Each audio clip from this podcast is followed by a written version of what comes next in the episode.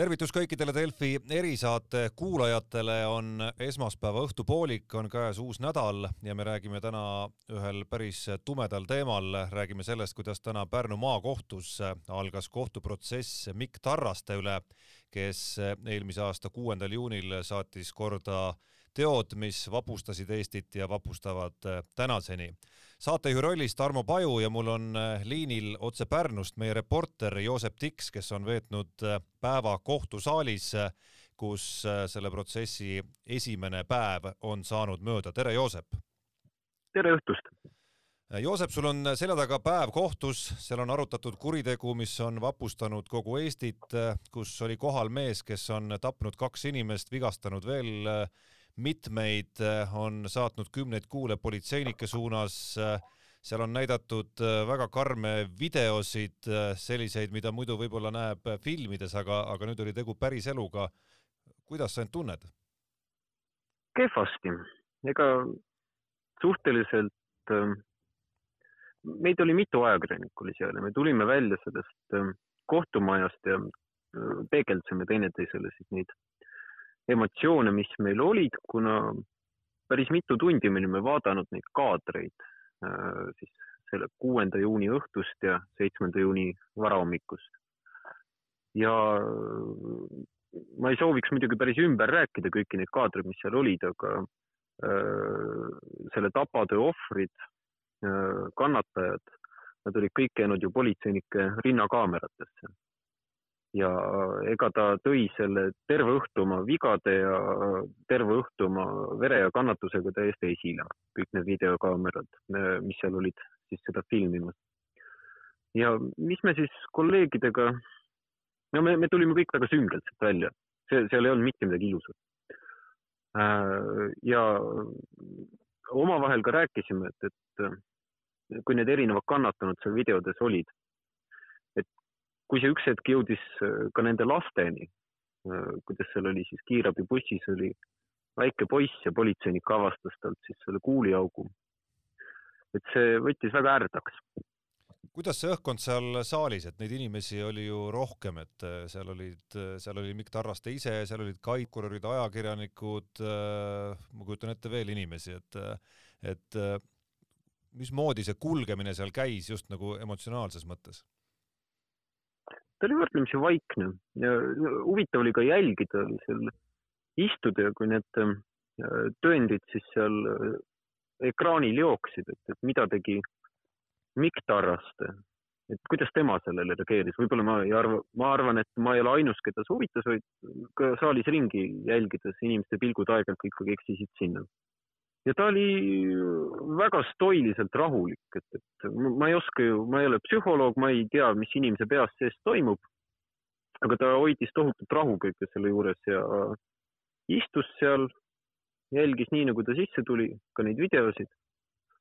Äh, vahepeal toetas, äh, lauake oli tal ees, pani käed sinna, vahepeal toetas lõua käte peale, vahepeal jälle istus sirgelt, aga ka muutumatute emotsioonidega et võib-olla ma usun, et kõik, kes seal saalis olid, mõtlesid, mis ta peas toimub. Ja no me ei tea ju keegi, mis ta peas toimus, et inimesed üldiselt ise olid, olid äh, hääletult. Äkki sa teeksid äh, väikese kokkuvõtte sellest, äh, ütleme siis nagu ametlikust või, või asisest poolest, et, et mismoodi see protsess käima siis täpselt hakkas, mismoodi seal kulgetakse ja mida siis jõuti Äh, selle protsessi esimese päeva jooksul ära teha, et on teada, et neid päevi kokku peaks äh, tulema neliteist? Neid tuleb päris pikalt jah. no täna oli süüdistuse esitamine ja kannatanu või õigemini vabandust, äh, siis Mikk Tarraste kaitsja kõne.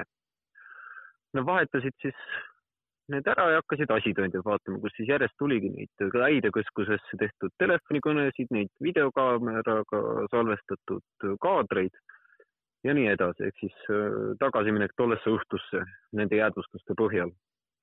aga mis see protsess siis täna tähendas, oligi see, et äh, prokurör esitas süüdistuse äh, mõrvas, esitas vararikkumises, esitas süüdistuse siis kuriteo varjamises ja põgenemises. ja kõik muu võttis Tarrast omaks, olgu need siis need kahjunõuded või mõrvad või kannatuste tekitamise. aga seda, et ta oleks oma süütegu tahtnud varjata või kuidagi põgenenud, seda ta omaks ei võtnud. vaat ma ei oska öelda ka, miks või, või miks just see oli see, millele ta vastu vaidleb. ja teine asi, mis sealt täna tuli, oli siis võib-olla see põhjus, miks me üldse saime sinna saali täna minna kus ähm, kaitsja äh, Brünno Roosma ütles siis äh, seda, et ähm, kuidas ma nüüd seda sõnastan, ütles siis seda, et äh, ta tegi kolmekümnendal detsembril avalduse kohtusse, et see istung oleks kinnine. ja jaanuari alguses võttis ta selle tagasi Mikk Tarraste nõusolekul niisamuti, et see kohtuistung, kui ta oleks avalik, saaks kõik need vead või kõik need põhjused, miks too öö üldse juhtus, avalikult ette toodud, et midagi taolist ei juhtuks enam tulevikus. ja selle põhjenduse juurde lisas ta seda ka, et seal oli mõningaid asju, mis siis kaitsearust vääriksid arutamist. et oli seal siis see, et see mootorrattur, kes järgnes Mikk Tarrastele, et kui ta helistas häirekeskusesse, siis ta esialgu avaldas äh, kõhklust või pigem hirmu, et, et ta ei sooviks minna jälitama Mikk Tarrastet. see tuli välja sealt äh, millele, kõnest, mida mängiti? just ja millele siis häire, mida siis ikkagi häirekeskuse töötaja julgustas teda tegema. samuti võis seal, mida kaitse tõi välja, oli see küsimus, et miks seda autoteed, kuhu Mikk Tarraste põgenes, ära ei blokeeritud, et kuidas see Žiguli sinna sattus ja viimaks oli tal ka küsimus selles, et äh, kui need äh, politseinikud äh, olid sündmuskohale jõudnud ja varjusid seal kraavi kukkunud või kraavi sõidetud Mikk Tarraste sinise Subaru taha ja laskmised käisid. et kes siis tulistas seda Žiguliid, mis vastu tuli. Et ta pööras tähelepanu ühele salvestusele, kus siis öeldi politseinike poolt lase, lase ja üks hetk öeldi vale auto, vale auto ja siis äh, kaitsja noh, sõnastamata küsimus oli umbes see, et kust need kuulid tulid. mida prokurör siis näitas erinevate videode läbi, et äh, politseinikud ei tulistanud selle Žiguli suunas, et kõik need lasud, mis nad tegid, olid siis teises suunas, kas siis taevasse või nii edasi, õhku või hoiatuseks et selles osas äh, said sa esimesel istungil veendumuse, et see, et see küsimuse püstitus ei tundu siiski asjakohane või, või õiglane. see kõlab päris hirmu, hirmsa kahtlusena, mille kaitse ju selle detaili väljatoomisega õhku viskab. Mm, paistab, et see siis sai ümber lükatud, kuigi ega ma ei oska ju öelda, ma ei tea, kus need kuulitrajektoorid läksid. aga ka politseinike relvade suund nendest videotest lähtuvalt prokuröri hinnangul jah, ei olnud Žiguli suunas tekkis sul see tunne ka kuidagi, et eh, noh, Mikk Tarraste ise ei eita oma tegusid, eh, justkui selle sündmuse kronoloogia ja asjaolud on ju, on ju kõik tegelikult nagu selged, et eh, tekkis sul see tunne ka mingil hetkel, et, et kas on üldse nagu vaja kõike seda nüüd läbi käia veel niimoodi? oh-oh-oh, ega ma ei oska ju öelda seal kohapeal istudes ma, ma olen selles situatsioonis sees, aga selline suurem küsimus, et kas, kas seda on nüüd vaja avalikult läbi hekseldada, kas see valu on uuesti vaja pinnale tuua. ma arvan, et siin oleks erinevaid vastuseid erinevate inimeste poolt, et, et me, meedia seisukohast võib-olla tõesti on vaja mõningad asjad sellest õhtust läbi käia, kasvõi, kasvõi see, kui ma kuulsin seal häirekeskuse Äh, reaktsiooni või, või juhendust sellele, et mõni asi tundus nagu naljaks, võib-olla ka asi, millest õppida või äh, inimesi pigem võib-olla tegi, jahmatas või ehmatas see, et päriselt tulistati. Ja äh, need, kes jälitasid samuti autodega, siis Mikk Tarast, et kirjeldasid häirekeskuse töö, töötajale, et, meid tulistati ja me nüüd äh, lähme tagasi ja põgeneme sellest kohast ja ega no, ma muidugi ka ei kujuta ette, mida ma küsiks või kuidas ma hoiaks teda liinil häirekeskuse töötajal või mida ma talle ütleks üldse. et seal oli sellist äh, jahmatust oli kuulda küll, kus äh, jäädi natukene juba kümnes kord sama küsimuse juurde, et aga kus te ikkagi olete, kus te ikkagi olete, missugune auto teil on? Äh, sellise küsimuse, mis võib-olla kui mina oleks kuskil sellises situatsioonis, kus mind tulistatakse ähm,, ajaksid mind võib-olla rohkem närvi ja aitaks seda kuidagi edasi. Sa pead Või praegu siis,, ähm, praegu silmas neid kahte autot, mis sattusid ka tule alla ja olid sunnitud siis selle jälitamise lõpetama?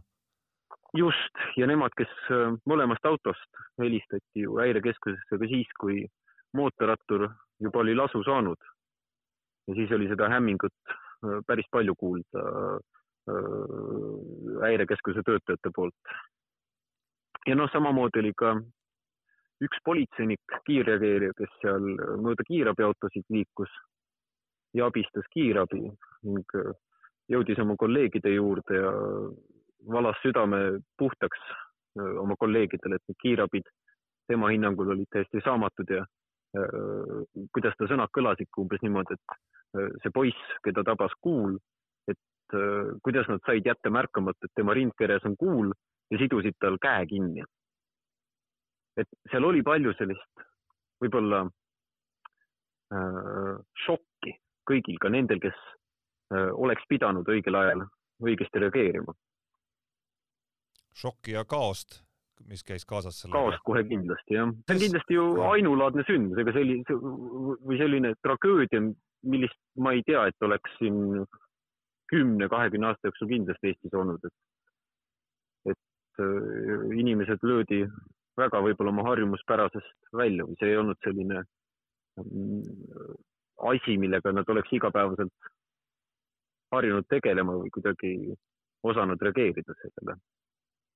See, mis puudutab äh, seda häirekeskuse töötaja soovitust äh, järgneda Mikk Tarrastele, et, äh, et, et see hetkel oli ju nii-öelda, mis, mis käis läbi, ütleme siis nii-öelda nagu seigana, aga, aga see ei olnud ju see koht, kus, kus seda kuidagimoodi oleks analüüsima veel hakatud.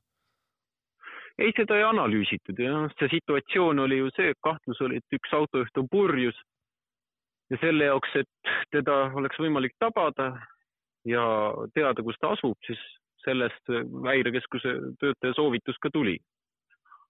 On ju samamoodi küsimus, et keegi, keegi ei teadnud, mis, missugune tohutu tragöödia sellest äh, saab, et, et äh, väljakutse esialgu oli üldse Olerexi tanklas, kus oli purjus autojuht, kes sõitis vastu kahte autot ja tankla seina ja siis põgenes ära kuidas see protsess siit edasi läheb, et neliteist istungipäeva, kakskümmend kuus tunnistajat, mis need toimingud kõik seal olema saavad, mis kõik läbi tehakse, enne kui see protsess saab lõpuni jõuda?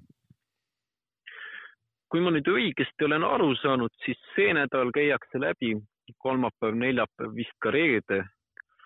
Äh, erinevad kirjalikud ja sellised materiaalsed tõendid. Ja järgmisest nädalast läheb siis tunnistajate kuulamiseks. Äh, mis tunde kõige selle käigus jättis sulle selle protsessi peaosaline Mikk Tarraste, et väga-väga palju teda ju selles protsessis ei olnud, et mõned laused jõudis öelda, aga aga ülejäänu oli kõik nii-öelda harrastuspsühholoog äh, vaatab kõrvalt ja mõtleb, mida see mees võiks mõelda. no samamoodi oleks ka mina siin selles situatsioonis see harrastuspsühholoog. et nagu ma enne ütlesin, ta jättis väga stoilise rahuga inimese mulje või, või te, tema,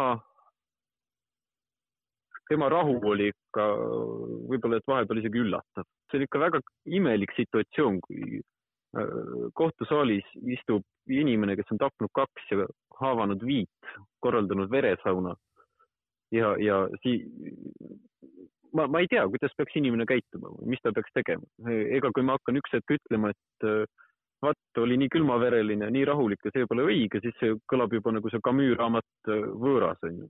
et noh, ma ei saa ka kuidagi inimesele hinnangut anda niimoodi. no kaitsja Rünno Roosmaa muu, muuseas lisaks sellele, et ta loetles neid detaile, äh, millest siin meil saates oli juba juttu korraks, tema suust nende reportaažide järgi, mida sa oled ise kajastanud kohtusaalist, justkui nagu tunnistas ka ise, et, et et justkui pealtnäha tal, tal ei olegi nagu selles loos midagi teha. jah, seda ta ütles küll seal kohtusaalis, et natuke nagu retooriliselt küsides, et, et äh, Tarraste nüüd süüdi tunnistanud nendes ja äh, tapmistes, et, et mis tal enam üldse kaitsjana teha on ja eks see, et ta selle istungi, et ta oli nõus seda istungit avalikuks tegema, et ta, ma ei tea, kas veenis või, või oli ka Tarraste sellega täitsa iseseisvalt nõus et see jääks avalikuks, et see läks pigem siis see tarbeks, et kaitse roll oleks võib-olla juhtida tähelepanu mõningatele vigadele, mis siis tollel ööl reageerijate poolt sündis või kuidas selliseid juhtumeid tulevikus vältida. kas sul endal on isiklikus plaanis mingisugune selline rutiin juba välja mõeldud, et kui nüüd lugu valmis saab ja, ja algab tagasitee, et kuidas siis, kuidas siis sellest nagu nii-öelda nagu pea puhanuna välja tulla? ohoh, hea küsimus. ega sellised maalähedased protsessid tõenäoliselt, et praegu ostan bussipileti endal Pärnust Tallinnasse, sõidan koju, hommikul käin jooksmas, siis lähen Tapale ja teen juba järgmise päeva lugu edasi ja kolmapäeval jätkub Pärnus uuesti istung. soovin, Joosep, sulle head koduteed ja nende maalähedaste protsesside puhul täpselt samamoodi edu kaasa ja, ja kivikotti, olgu siis suusarajal või teel Tapale. aitäh sulle selle jutuajamise eest, tänud ka kõikidele kuulajatele ja järgmine Delfi erisaade on eetris teisipäeval